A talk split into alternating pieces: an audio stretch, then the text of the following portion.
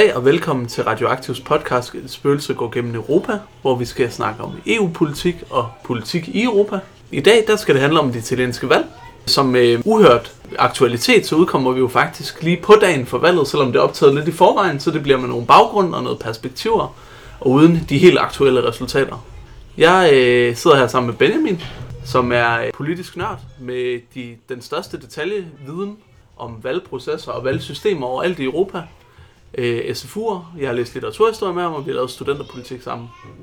Jeg sidder her sammen med Jakob, som er rigtig god til de overordnede analyser, rigtig god til både at have sådan et call to action, når der er brug for handling, og et, øh, en evne til at sige, her bliver vi nødt til at undersøge tingene nærmere. Øh, med os har vi også en special gæst i dag. Det er mig. Jeg hedder Jonas. Øh, I kender mig måske fra andre radioaktive projekter, men nu er jeg i øh, nu er jeg her i form af Italiens kender. Jeg har læst italiensk, og jeg har boet dernede. Så man kunne med andre ord ikke ønske sig nogen som helst bedre gæst til at gøre os lidt klogere på baggrunden for det italienske valg, sådan overordnet, som vi skal, ja, som I oplever netop nu derhjemme i stuerne. Ja, altså man kan sige, at øh, hvis man skal se meget kort på det, så øh, ser det tæt ud i meningsmålingerne, og det ser ud til at blive en fortsættelse af den meget tætte situation, der har været siden det seneste italienske valg i 2013, hvor øh, det ikke formåede, hvor man ikke formåede at finde en øh, klar vinder på øh, valget, og siden da er landet blevet regeret af forskellige mere eller mindre stabile koalitioner, med, men med det sådan brede centrum venstreparti, det demokratiske parti i spidsen. Det, der er lidt anderledes den her gang i forhold til sidste gang, det er, at man nu har formået at have den samme valglov til begge kamrene i det italienske parlament. Og med det in mente kan man måske håbe på, at øh, der kommer et lidt klarere resultat, når valget engang er overstået. Men øh, sådan ser det ikke ud til i meningsmålingerne. Der er groft sagt, sådan kommer det til at være meget i aften, der er tre blokke i italiensk politik. Der er centrum højrefløjen med den gamle mediedarling Silvio Berlusconi i spidsen. Så har vi centrum venstreblokken med en gang fremadstormende socialdemokratisk New Labour-agtige håb Matteo Renzi i spidsen, og så har man så den tredje blok, som er den The New Kid on the Block, som er femstjernebevægelsen. De var der også sidste gang, øh, den her protestbevægelse om, øh, om, hvordan italiensk politik fungerer, og måske især ikke fungerer. Øhm, og sidste gang, der formåede de som et helt nyt parti at få 25 procent, sådan cirka, af stemmerne. Det gjorde dem til den tredje største blok i parlamentet efter øhm, Centrum Venstre med det demokratiske parti, der blev marginalt større end Silvio Berlusconis højre fløj. Og det er et billede, som man forventer der kunne bliver forandret lidt efter det italienske valg, hvor det bliver nok femstjernebevægelsen, der bliver det største parti som sådan, men i modsætning til de to andre blokke vil de ikke kunne opnå stemmer nok, eller til at, øh, til at kunne danne en øh, regering. Men det der for så vidt heller ikke særlig meget, der tyder på, at de andre blokke vil kunne. Og det betyder, at man skal ud og finde frem til en, til en løsning efter valget. Og det har italienerne skulle rigtig mange gange i de senere år. Måske vi kan vende mm. tilbage til, du nævnte noget om, øh, hvad hedder det, den her valglov. Ja. Der har været en valglovsforandring, der kommer til at betyde lidt for, hvordan situationen ser ud. Ja, det har jo betydet meget her i øh, den seneste tid. Øh, som Matteo Renzi, som jeg tidligere nævnte, han fik, øh, han blev premierminister, efter der havde været en anden premierminister fra det demokratiske parti, Enrico Letta hed han. Øhm, så kom Matteo Renzi til at blive øh, premierminister.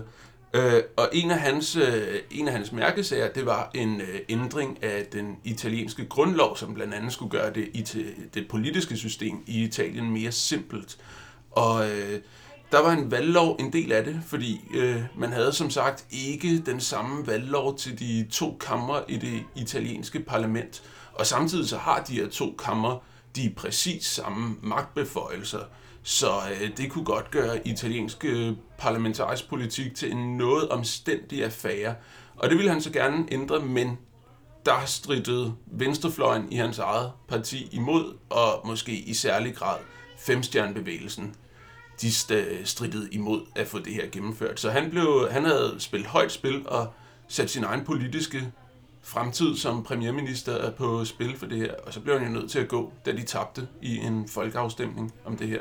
Nu stiller han sig op igen. Øhm, Men det har ført til, at, han, at hans popularitet har været, har været dalende? Eller den har været dalende. Der var mange, der troede, at øh, han ville kunne stå for en form for fornyelse i øh, italiensk politik, som i høj grad domineres af, kan man godt sige, grå øh, eller i Berlusconis tilfælde måske mere solbrune eminenser fra øh, de andre fra de andre partier. Det, øh, han formåede ikke at få gennemført de her ting, så der øh, har han mistet noget popularitet på det, men hvis man skal se på det demokratiske parti, sådan centrum-venstre, det store centrum-venstre parti, så er hans magtposition i selve partiet rimelig rimelig sikker. Men det skyldes, at der er en del fra partiet, fra venstrefløjen i det her parti, der er brudt ud og har lavet et nyt parti, som øh, ikke vil være en del af demokraternes, på, demokraternes øh, koalition i valget, men de vil nok gerne være øh, parlamentarisk grundlag, hvis der skulle være mulighed for at danne en ny demokratisk regering. Helt sikkert, og det kommer vist til at ske ret mange gange øh, her i løbet af den her podcast, når man taler om italiensk valg, at der er nogen, der tidligere har været sammen, og så er de splittet ud, og så er de dannet en ny koalition og sådan noget. Men vi skal prøve ligesom at samle lidt op på det, ja. på det løbende. Det er forvirrende for os alle sammen. Men jeg tænkte måske her til, til sidst, øh, eller i hvert fald her og til baggrund også, øh, hvad, kan du sige noget om, hvad italienerne øh, går op i valgmæssigt, og hvad er, det, altså, hvad er det for en økonomi, og hvad er det for en samfund, der går til altså, valg? Hvad er der de vigtigste mm. ting for dem? Altså, man skal noget, der er i modsætning, eller ikke i modsætning, men noget, der er meget karakteristisk for det italienske samfund, det er, at der er rigtig mange små familieejede virksomheder. Øh, og de har nogle interesser i øh, blandt andet at holde en ret lav skat økonomiske interesser i øh, at holde en rimelig lav skat på mange forskellige ting, og skattetrykket i Italien er ikke specielt lavt. Øh, og det er jo derfor, at en mand som øh, Berlusconi har kunnet have det her meget fremtrædende, øh, den her meget fremtrædende position, som han har haft i løbet af de seneste efterhånden mange år øh, i italiensk politik, det er, at han vil have lavere skatter, og det vil folk gerne have når de har en lille virksomhed og prøver at få til dagen og vejen på den måde. Øh, det er en ting, og så ellers, hvis man ser på femstjernebevægelsen, det de kommer med, det er jo kritikken af det bestående samfund. Kritikken af magten. Magten bliver set som korrupte, og der skal nogle nye folk til, og det er det de, e, det, de, de eneste, der kan garantere det her. Godt. Øh, tak for den her baggrund, og øh, vi vil holde dig med her øh, resten af udsendelsen til at bidrage med øh, dine perspektiver, og øh, lad os starte der, hvor vi sluttede, hvor du sluttede med øh, korruption.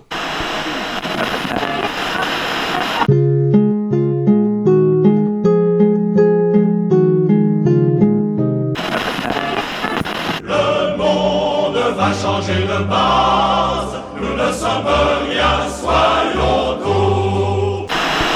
Det første punkt, vi har øh, på øh, dagsordenen her, Øh, det er dig, der har bedt om det, Jacob, og du sagde øh, mafia. Øh, og øh, der er det jo vigtigt at være opmærksom på, at det er jo ikke sådan en øh, godfather-agtig mafia med øh, onde bosser, der sidder og holder store bryllupper for deres døtre i øh, New Yorks forsteder. Nej, øh, nej, det er det ikke. I hvert fald ikke i New Yorks forsteder.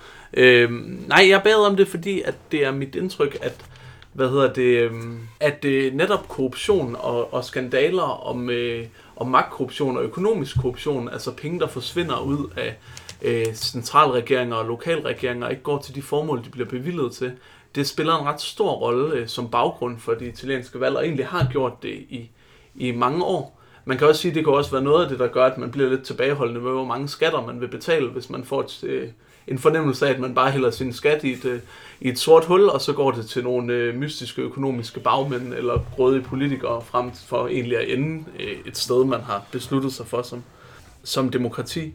Øh, så, så jeg tænkte, at det kunne være spændende at åbne med lidt at høre om, og snakke lidt om, hvad, hvad, altså, hvad, er, det, hvad er det for en korruption, som blandt andet Femstjernebevægelsen har, er blevet så stærk i, ligesom også i, i talesæt. Altså hvis man skal se på øh, den italienske politiske skandale per, par excellence, så er det den, der sker i kølvandet på murens fald i 1992, øh, som går under navnet Operation Rene Hænder, hvor øh, man i de siddende store politiske partier, til dels Kommunistpartiet, men især kristendemokraterne, der bliver afsløret en helt ekstrem grad af magtmisbrug og decideret korruption. Der er en af de her øh, lokalpolitikere op i Milano, mener at det er, som de øh, bogstaveligt talt fanger, mens han er ved at skylde øh, en masse liger ud i toilettet for at skjule fra politiet her. Så det, at der blev det, som mange italienere havde frygtet,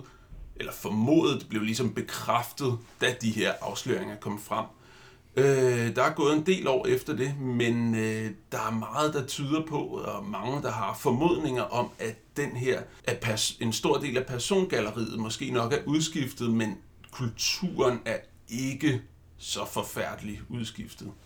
Et interessant øh, sådan, øh, perspektiv, som, øh, som man måske kan ligge på, og noget, der underbygger den her, det her syn på den politiske kultur og korruptionens rolle, det er jo, at en af de store måder, hvorpå man sådan kan komme til tops i italiensk politik, det er ved at være øh, øh korruptions- eller mafia-anklager eller dommer. Altså sådan en, der, øh, der igennem retssystemet forfølger korruption og mafia. Og så er det sådan en måde at kunne blive partileder eller minister på, at man ligesom har en stolt karriere der. Øh, man kan se lidt det samme i amerikansk politik, hvor det har været anklager er en stor ting. Men øh, i dansk politik er det jo meget svært at forestille sig, at sådan en af vores øh, en af sådan, øh, statens øh, anklager eller en anden fra kammeradvokaten lige pludselig bliver partileder for de konservative, fordi at han har, øh, øh, han har ført en, en hård politik mod nogen. Eller sådan. Det her, at retssystemet fylder så meget, og at korruption fylder så meget i hverdagen, at det er en legitim og en ofte kendt vej til toppen af politik. Det synes jeg siger ret meget om, hvad det er for et samfund, og især hvordan italienerne opfatter deres samfund man kan se en af, nu nævnte jeg nogen fra venstrefløjen i det demokratiske parti, der var splittet, og der er nok den mest fremtrædende af dem, det er en, der hedder Piero Grasso, som, øh, som forlod partiet, og han var tidligere øh, formand for det italienske senat, hvilket også er øh, vicepræsidenten i, øh, i, ja, i Italien. Så det er en ret fremtrædende person, der tidligere var mafia, anti-mafia-dommer. Og ligesom, altså, tænker jeg også en eller anden måde at bevise på, at man i hvert fald er ren i et samfund, hvor at den politiske kultur måske er så beskidt, eller bliver oplevet så beskidt, at, at der bliver nødt til at opbygges en eller anden helt stærk ethos om, at jeg er ubestikkelig, eller jeg har en eller anden helt særlig persona, som beviser, at, at jeg ikke er med i det, som, som det jo også virker til på meningsmålingerne, at der er rigtig mange italienere, der sådan set er, er utilfredse med. Mm. Det var også sådan noget, der fik øh, Silvio Berlusconi frem i sin tid, som var netop lige efter den her store korruptionssag i 1992. Fordi der kom han så og kunne fremstå som en øh, self-made man, der havde tjent en masse penge. Og når man havde så meget personlig succes og så mange penge, så var der jo ikke nogen grund til at tage imod bestikkelse. Så på den måde, så kunne han fremstå som en, øh, ja, som en ukorrumperbar øh, politiker. Og det var... opfandt Trump-fænomenet faktisk på en eller anden måde. Altså, det var også ja, det, folk angiver der, at ja. han er ikke i lommen på Wall Street, fordi at han er så rig øh, og har så meget succes. Jeg synes, øh, den politiker, Donald Trump minder mest om, er Berlusconi, men det er en helt anden historie.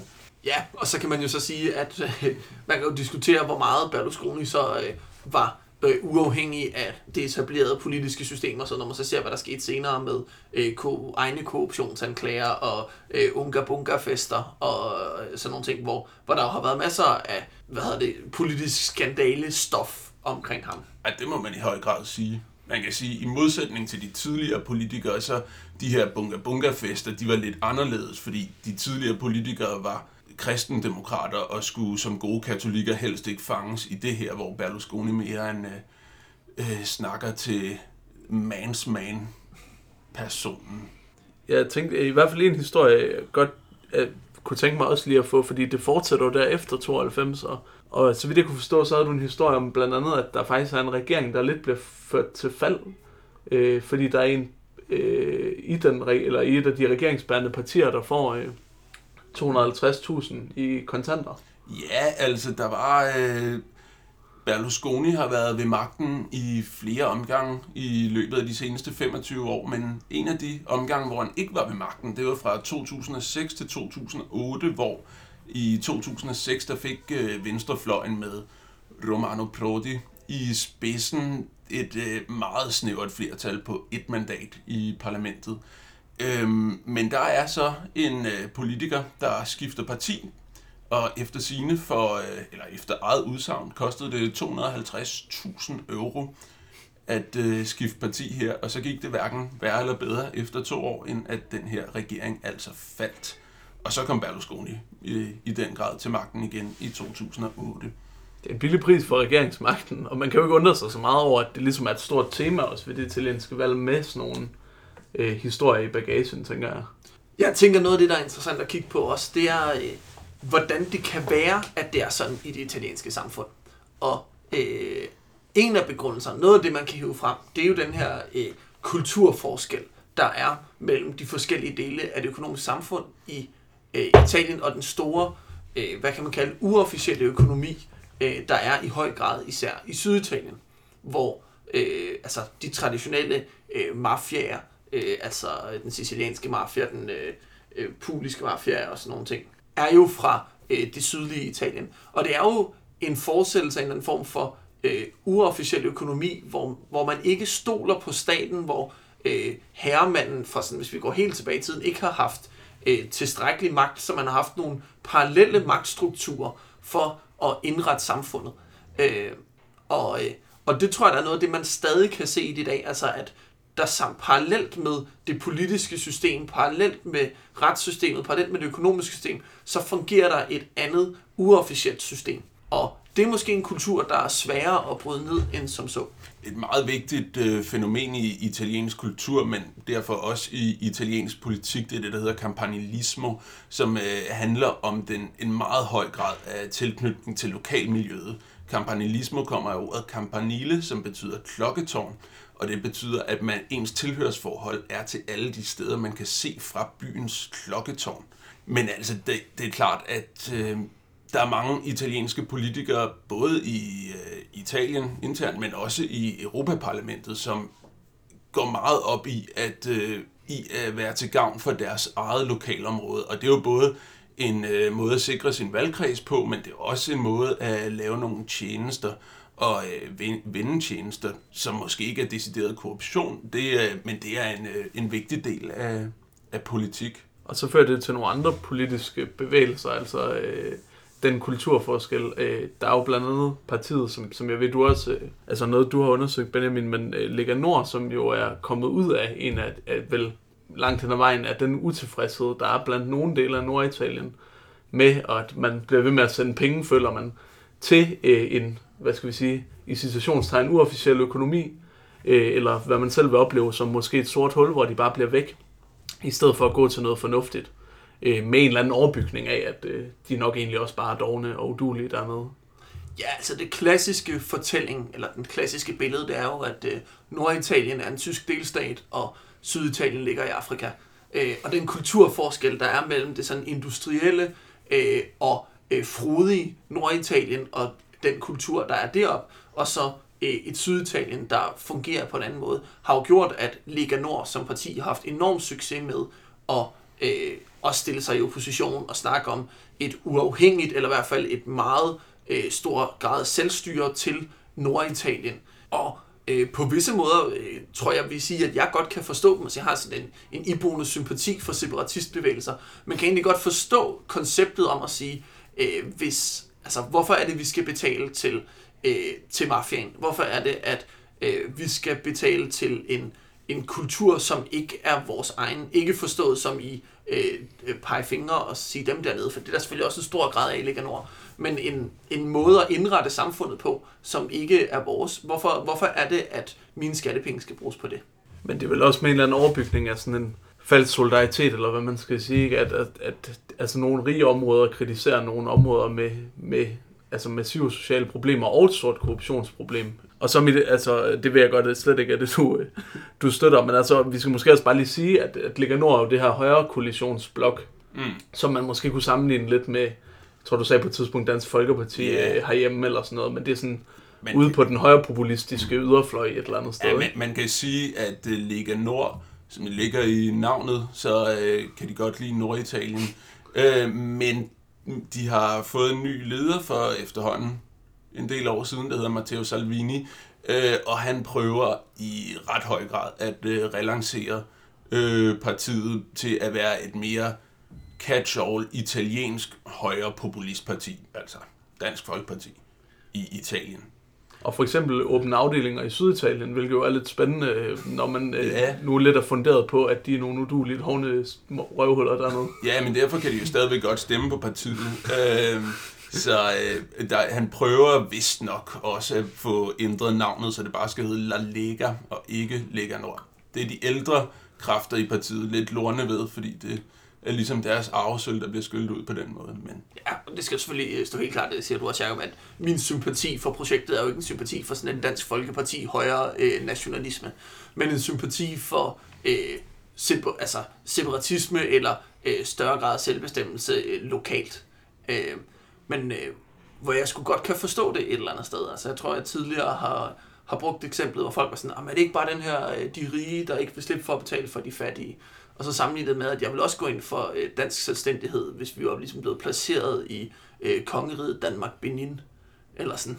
Ja, så kan man sige, at noget af det er jo også, at der er nogen, måske, og det vender vi tilbage til i nogle af de næste dele, øh, vi skal snakke om, men at, at der er nogle øh, populistiske kræfter og nogle højreorienterede kræfter, der måske har været gode til at trykke på nogle områder, der har nogle reelle problemer i sig, og så leverer nogle måske lidt håbløse forklaringer eller overbygninger på de problemer, men, men der er en stor kulturforskel nord og syd i Italien. Ja. Ja. Der er et problem med uofficiel økonomi, der er et problem med korruption, som vi har snakket om. Øh, hvem, hvem bliver ligesom stemmen, der i tale sætter og rallyer folk blandt det? Det bliver jo ikke i særlig høj grad venstrefløjen. Det bliver jo nemlig måske Liga Nord i nogle tilfælde, øh, femstjernebevægelsen, som vi vender tilbage til i nogle tilfælde, andre kræfter. Det er jo en fremragende segue til, at vi nu kan gå over til øh, vores næste punkt, som er nemlig, at vi skal snakke om venstrefløjen.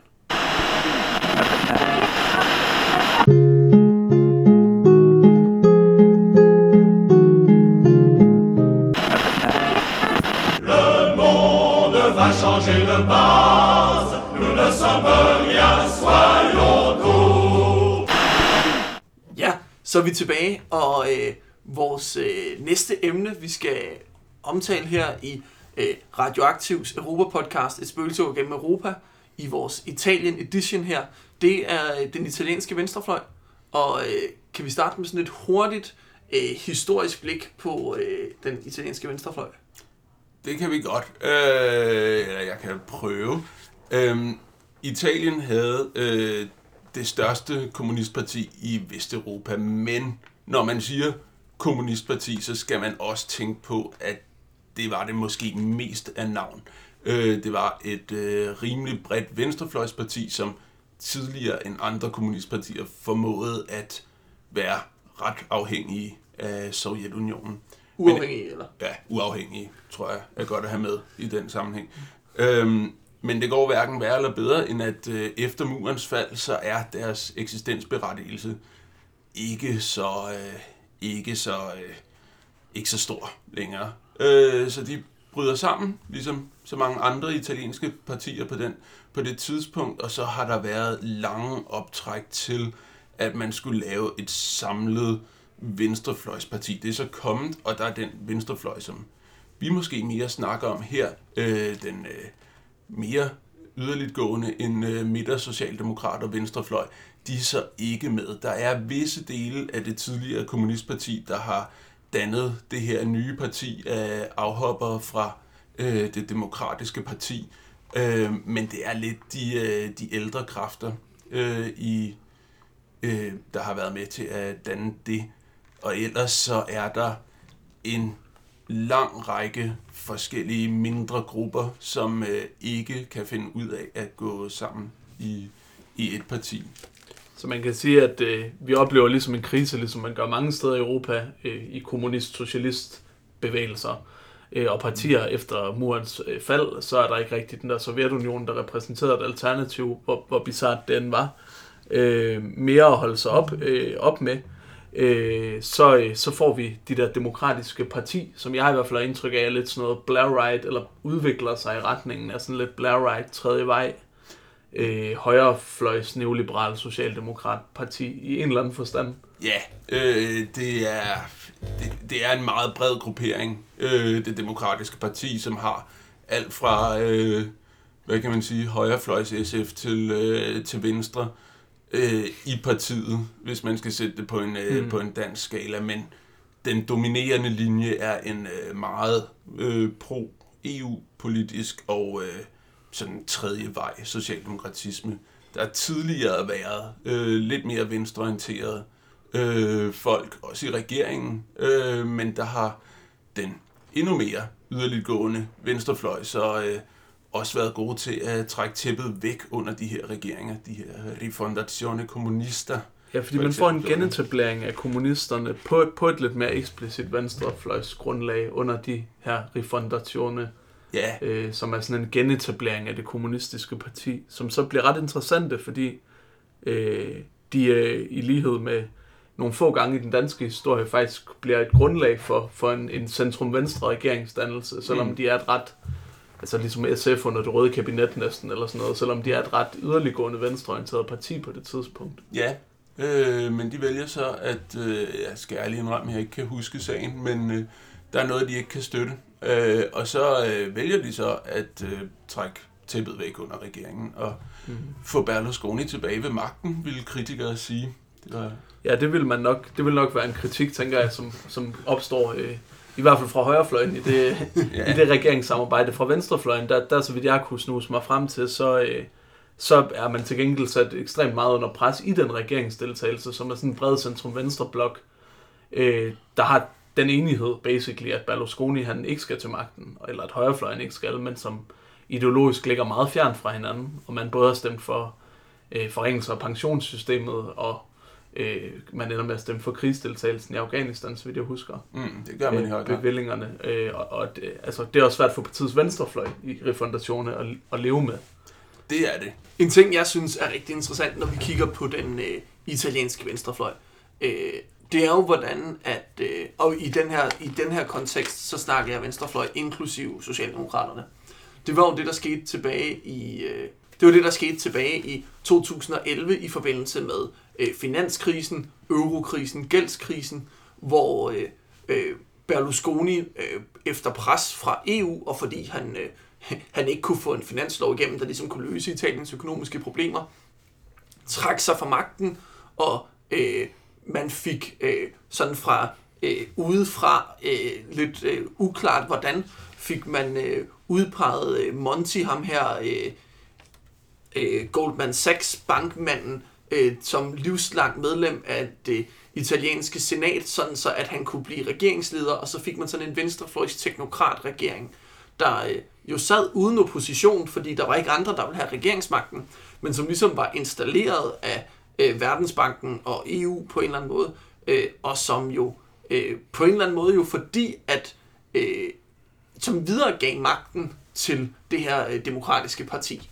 Øh, og, øh, og det synes jeg da, at der er noget interessant i, at man kan sige, at det som øh, øh, uvenlige kræfter herunder nok mig vil kalde et øh, sådan et øh, statskup begået af Goldman Sachs og EU mod en demokratisk valgt regering. Venlige kræfter vil sige, at Berlusconi trak sig selv, når man fulgte den øh, italienske forfatning fuldstændig.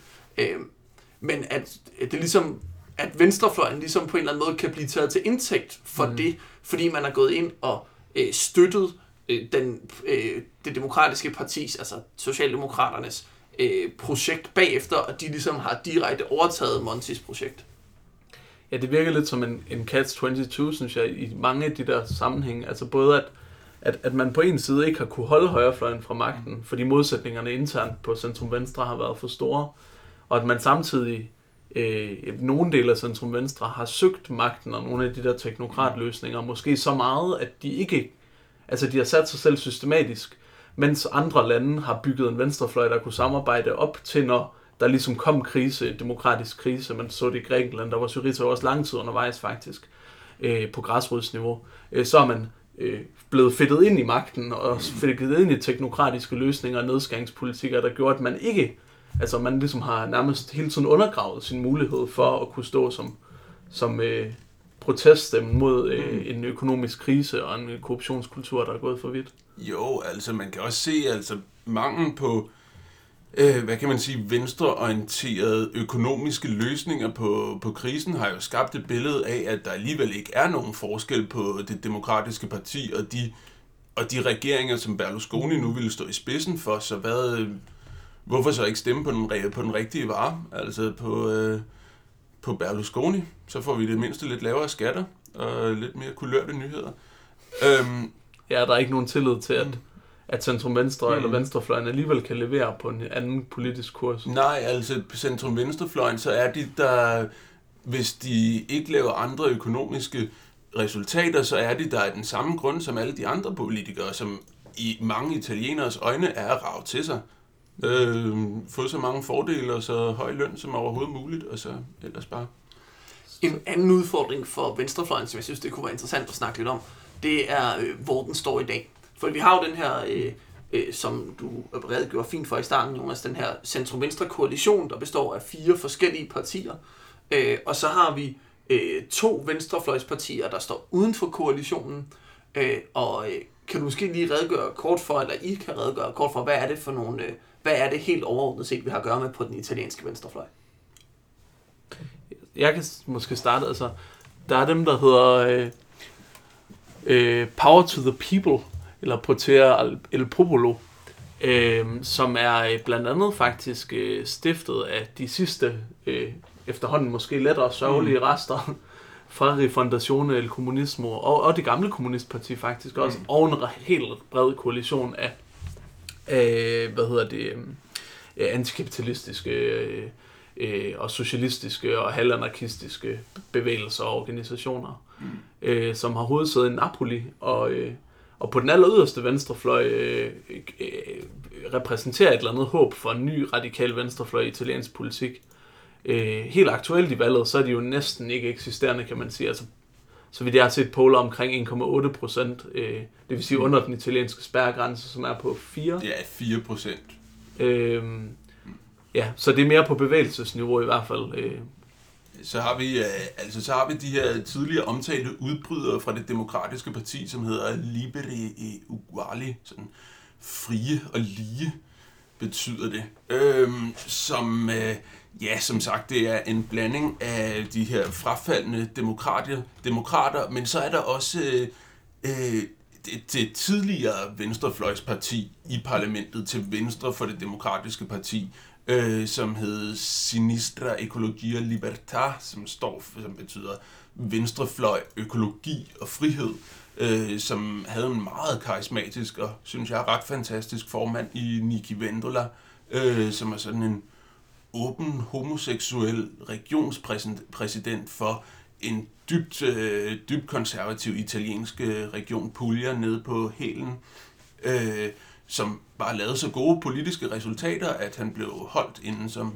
regionspræsident her. Det er gået lidt ned ad bakke for dem siden, men øh, de er i hvert fald med i, øh, i, den her, i det her nye parti, som ikke er en del af det demokratiske partis koalition, men dog har udtalt, at de gerne vil være parlamentarisk grundlag for en og hvor vi henne der, er det sådan en, er vi en øh, dansk SF-agtig, eller hvor Ja. ligger vi på øh, dansk radikalitetsspektret? er dansk SF, dansk SF øh, lidt enhedslisten måske, men nok mest SF vil jeg skyde på. De er også meget glade for Europa. Så vi har en ikke eksisterende venstrefløj, hvor kun måske SF kommer ind. Det lyder jo øh, som en ren gyser. Ja, hvad der næsten er endnu mere gyseragtigt, det er at se på den her koalition af partier, som, øh, som jeg har kigget lidt nærmere på, og især nogle af de små partier i koalitionen. For hvis man synes, at det lyder som et kompliceret politisk billede lige nu, øh, så skal man bare se på nogle af de små partier i koalitionen. Altså koalitionen på venstrefløjen består af, sådan groft sagt, øh, et stort parti, som er det her demokratiske parti, og så tre mindre grupper. Men de mindre grupper er jo ikke bare i sig selv de øh, består også selv af øh, mellem 4 og 8 partier, hver især de her mindre grupper, der trækker omkring 1% af stemmerne. Øh, med hver deres partileder, som blander sig i debatten og skal have noget med hjem fra forhandlingerne. Øh, så hvis man... Øh, for eksempel er der øh, Popular Civic List Civica Populare. Øh, var det rigtigt? Ah, Ah, så kan du prøve. Civica Popolare. Civica Popolare, øh, som, øh, som har en tidligere, øh, en nuværende øh, sundhedsminister som, øh, som præsident, men som, øh, som består øh, af otte forskellige partier af hendes liste, og som primært øh, er sådan en liste for hende, men som er meget mere kompleks, hvis man går i bunden med det. Øh, og sådan er det mit indtryk, at italiensk politik er øh, hele vejen ned. Det er det. Det er, det er kompliceret, og man kan ikke være sikker på, at en, der var i et parti en dag, også er der den næste dag, og jeg har helt sikkert også lavet nogle, sagt nogle ting, der ikke passede her, fordi jeg ikke kunne huske, hvad der er sket siden, siden i forgårs.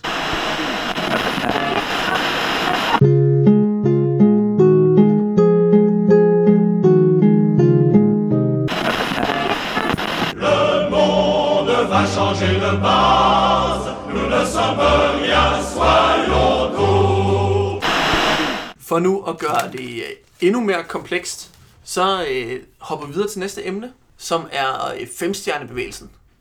Og øh, hvad er femstjernebevægelsen egentlig sådan groft sagt for noget? Ja, altså øh, femstjernebevægelsen er jo super interessant øh, politisk bevægelse, synes jeg. Øh, man kan sige helt, øh, den første sammenligning, man kan lave måske, det er, at øh, det er jo sådan en øh, anti-autoritær mod anti-establishment bevægelse, som øh, kritiserer det politiske system, den politiske kultur og den måde, det fungerer på. Øhm, og, og den vokser jo frem lidt samtidig med, at vi ser, øh, øh, faktisk lidt inden, tror jeg, men, men øh, øh, nogenlunde samtidig med, at vi ser på Demos for eksempel, øh, øh, som det her også øh, folket mod eliten-agtige bevægelse, der vokser frem i Spanien. Øh, nogen har diskuteret, om man kunne sammenligne dem med, lidt med Alternativet herhjemme, altså også et, et parti eller en position, der prøver at sige, ikke højrefløj, ikke venstrefløj, men ny politisk kultur, vi vil noget andet. Øhm, og, øh, og er jo helt klart noget, der vokser frem på, på øh, altså, ja, en anti-establishment øh, protest. Men, men så er øh, rækkevidden alligevel noget andet. Altså i hvert fald på demmer, som jeg ved, vi øh, i enhedslisten, øh, som jeg er medlem af, plejer at være rigtig glade for. Øh, så nogle dele Pelle Dragsted og andre altid kigger til. Øh, øh, har jo den der folket mod eliten-figur, bliver jo også brugt øh, ret øh, snublende tæt, og nogle gange helt direkte som en antikapitalistisk figur. Ikke? Øh, vi har nogle markedskræfter, der er løbet løbsk. Øh, vi har dereguleret vores markeder, og derfor er der arbejdsløshed. Øh, og dem, der sidder øh, indvalgt i parlamentet, de er bare øh, øh, fartøjer for at videreføre den her markedsgørelse direkte ind i vores vuggestuer og arbejdspladser og alt muligt. Og det er det, protesten handler om. Øh, og der er det med, øh, altså der er femstjernebevægelsen noget helt andet. Øh, øh, slet ikke så lang rækkevidde eller så stor dybde fra et venstrefløjet synspunkt i hvert fald, i deres politiske kritik, men mere noget med skift den politiske elite konkret forstået som de mennesker, der sidder inde og er korrupte, ud med nye mennesker, mm. som er os. Ja, øh, det er egentlig rimelig præcist. Øh, jeg var til, øh, jeg var til, til, forud for det seneste valg i 2013, der var stifteren af den her femstjernebevægelse, Beppe Grillo, en tidligere måske ved at blive komiker igen. Han, var, han tog på turné i øh, landet, og, øh, og den endte så lige inden valget i 2013 på en øh, meget stor plads i Rom, øh, hvor jeg var derhenne og kiggede på det. Og det, øh, det er en fed oplevelse. Han er en god taler, som øh, mange andre politiske ledere før ham. Øh, og øh, folk stod sådan og råbte i kor, 100.000 mennesker på den her plads, bare stod og råbte i kor sådan, hjem med dem alle sammen, tutti a casa, tutti a casa, hjem med dem. Og det er nemlig... Øh, Det er ikke den økonomiske elite, det, er sendt hjem der. det er den politiske elite, der er det her fænomen, det her udtryk i Italien, la casta, kasten, mm. den politiske kaste, som sidder herinde, og som jeg også lidt hintede om før, de sidder der for at, øh, ja, for at give sig selv nogle rigtig gode gaver. Øh, og så er der ellers ikke så meget grund til at tænke på dem, der ellers har valgt dem ind. Nej, øh, jeg er den, der sådan har bragt den her sammenligning med Alternativet meget frem, og Jonas var sådan lidt, nej, det, det giver ikke nogen mening. Men jeg synes alligevel, at, at det giver mening at hive frem, især hvis vi skal prøve at forstå det i sådan en dansk kontekst. For jeg synes, der er nogle, nogle helt klare fællestræk. Øh, jeg synes, der er det her med, og, øh, som du også siger, Jacob, det der med at benægte at være venstrefløj eller højrefløj, og placere sig sådan et eller andet sted, hvor man ikke er nogen af delene, og heller ikke er i midten, altså som ligesom er øh, noget andet end midterpartierne. Mm. Øhm, så synes jeg, der er det her med at i tale demokratisering. Øhm, noget af det femstjernebevægelsen har slået så meget op på, er det her med basisdemokrati, og vi tager nogle afstemninger på nogle bestemte platforme på vores hjemmeside, og så kan vi afgøre, hvem, øh, hvad vi skal mene om ting, præcis ligesom Alternativet øh, gør. Øhm, og så er, der, øh, så er der den her, hvad kan man sige, øh, halvpopulistiske tilgang, hvor man nogle gange måske øh, gør ting, fordi øh, det fordi, man, fordi det lyder rigtigt, eller fordi det føles rigtigt i maven, og ikke fordi, at det giver mening øh, som jeg synes har, øh, har, man har kunne se træk af, både hos Femstjernebevægelsen og øh, Alternativet. Altså ja, nu skal jeg jo øh, ærligt indrømme, at jeg ikke er den store fan af, af den bevægelse, men efter... Øh, nu er jeg heller ikke den store fan af Alternativet. Men, nej, nej, altså begge dele. øh, men øh, efter valget i 2013, og der synes jeg, de viser sig som populister øh, femstjernebevægelsen. Efter valget i 2013 har de fået et rigtig godt, rigtig godt valg, og de, så kommer det demokratiske parti øh, og siger til dem, øh, I kan få gennemført rigtig meget af jeres politik, som er en reform af valgloven, som er en reform af det parlamentariske system, en nedsæt, sådan, sænke hvor mange politikere der er, fjerne senatet, så man ikke har to kammer i parlamentet med præcis den samme magt det kunne de få gennemført, hvis de ville støtte en øh, regering, der var ledet af det demokratiske parti, og de kunne, altså det det er de vigtigste ting i deres politiske program, som de kunne få gennemført her, grunden til, at folk har stemt på dem. Men så vælger de at sige nej. Det, vi skal ikke have noget som helst med jer at gøre. Og der havde altså været en mulighed for at få skabt nogle meget reelle og, synes jeg, tiltrængte politiske resultater. Kan man på den måde sammenligne dem lidt med Dansk Folkeparti, der nægter at gå i regering, selvom de er det største borgerlige parti i Danmark? Øh, ja, på den måde, ja, bortset fra, at de så ikke får noget politik gennemført. Ja, fordi de nægter simpelthen at, og, øh, at samarbejde med nogen blok overhovedet. Ja, det... og, og den linje, øh, selvom nogen har spekuleret lidt i, om den er opbrud, virker de ellers umiddelbart til at stå fast på, også forud for det her valg, ikke? at man skal ikke nødvendigvis forvente, at de vil indgå i et regeringssamarbejde eller et parla- som parlamentarisk grundlag for en af de to koalitioner. Mm, det skal man nok ikke regne med. Øh, men altså nu er den tidligere omtalte Beppe Grillo, han er lidt ved at stille sig i... Øh, han er lidt ved at træde tilbage. Formentlig der er noget, der tyder på, at han egentlig synes, det er sjovere at være komiker, end at være politiker. Øh, så, og der er så den nye politiske frontfigur, meget ung en af slagten, der hedder Luigi De Maio. Han, han virker noget mere kompromisvillig, øh, mm. og har ikke sådan decideret sagt, at vi ikke kommer til at samarbejde om noget som helst. Ja, og det er jo lidt sjovt, fordi ellers, øh, det synes jeg, det giver mening lige at snakke om nu, hvordan hele den partistruktur så rent faktisk er, for det er jo altid lidt interessant, når man ser ny politisk kultur ud med de korrupte svin og mere demokrati nu og nej til systemet. Hvad er det så for et system, man, man selv er på en eller anden måde? Øh, og Beppe Grillo, han er vel en eller anden form for øh, en eller anden slags øh, diktator på livstid i det der parti, øh, med, med, drevet øh, jo et lidt som et firma, så vidt jeg forstår, af, af et mediehus, som har opsøgt ham øh, for lang tid siden og spurgt, om han ikke ville have en blog og promoveres gennem dem, og ja. ligesom skabt ham på en eller anden måde. Ja, øh, altså der er det her mediehus som en øh, vis Gian Roberto Casaleggio stod bag, indtil han så døde, men nu er hans søn så i, i spidsen for, øh, for det her mediehus, som har skabt en stor del af den strategi, online-strategi, som, øh, som Beppe Grillo så har, så har kørt på gennem sin blog. Der skal man også se, at i forhold til internet, så er Italien langt fra lige så meget med, som vi er heroppe. Så det var altså en nyskabelse, da Beppe Grillo førte førte valgkampagne over internettet i 2013. Det havde man ikke set før mm. i Italien.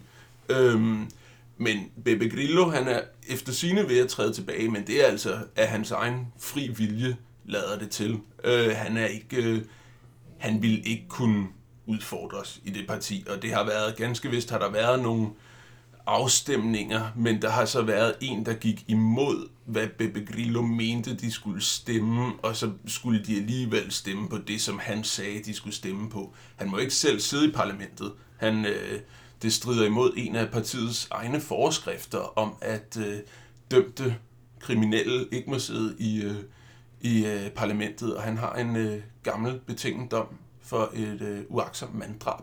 Så øh, det kan han altså ikke. Så, Øh.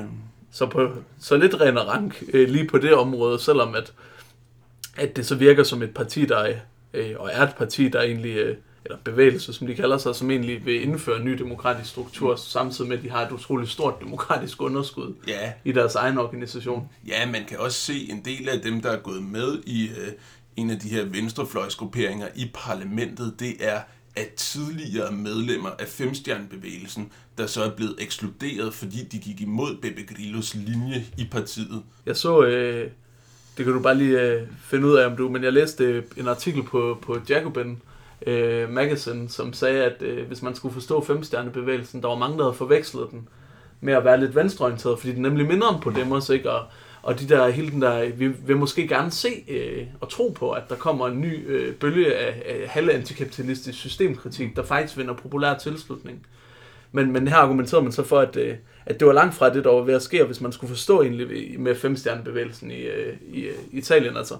Og hvis man skulle forstå, hvad det var for en øh, organisation, så skulle man tænke på en, en sammenblanding mellem Piratpartiet og UKIP øh, hvad siger du til sådan en, øh, Jonas? Det lyder egentlig ret, det lyder egentlig ret godt. Altså man kan sige, det, min opfattelse er, at øh, de op til valget i 2013 nok ikke ville placere sig på en venstre-højre skala politisk, men at de nok praktisk, praktisk talt lå et stykke til venstre for midten. Men man kan se at sidenhen har de ligesom vejret, hvor stemmerne, de nemme stemmer er, og det er øh, blandt andet i immigrationsspørgsmålet, som jo på grund af Italiens geografiske placering er endda meget stort dernede.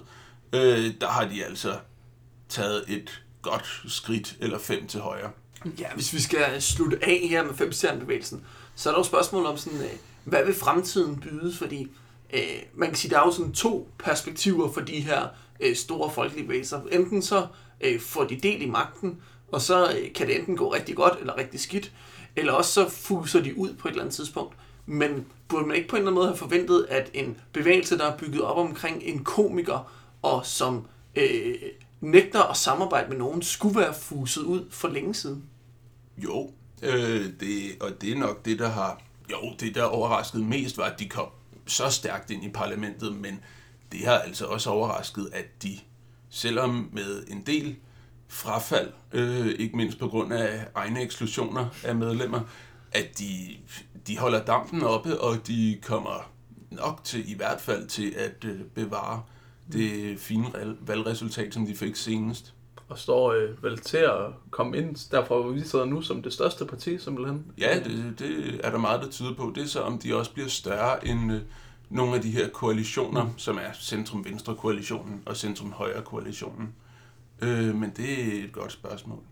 Øh, der er ikke noget, der tyder på, at der er nogen af de her tre blokke, der får absolut flertal, så det bliver spændende at se efter valget, hvad der kommer til at ske. Ja, hvis I hører det her i løbet af 4. marts, så håber vi, at I vil tage det som en god optakt til det italienske valg og have, øh, have det en mente, når øh, valgresultaterne kommer øh, om aftenen og i løbet af mandagen. Øh, hvis I hører det efter den 4. marts, så øh, håber jeg, I vil tage det som en, øh, en forståelse for, øh, hvad er det, der sker i et spændende politisk land ude i Europa, som vi hører øh, for lidt om i de danske medier. Et hurtigt brush-up. Et tour de force i Tour italiensk de politik. force i, italiensk politik. Ja. Øh, Ja, næste gang, øh, det, ja, tusind tak fordi I hørte med. Øh, og næste gang, der øh, vil vi diskutere øh, her i et spøgelse går gennem Europa, øh, politiske bevægelser på europæisk niveau. Altså forskellige typer af politiske bevægelser, der har prøvet at opstille alternativer for samfundsudviklingen eller udfordre magten, ikke fra, fra et enkelt lands platform, men sådan helt tvær øh, internationalt, transnationalt på europæisk niveau. Hvad er styrkerne og svaghederne ved det? Hvordan opstår de, og øh, hvor, hvorfor dør de igen? Øh, det kunne være sådan noget som attack eller anti-frihandelsbevægelserne, andre ting. Ja, øh, indtil da, så er der masser af andre gode podcasts her på Radioaktiv, som vi håber, I vil lytte til. Og så håber vi meget at høre jer igen øh, om en øh, måned, når vi kommer ud med vores næste udsendelse. Tak for i dag. Tak for det. Tak for i dag.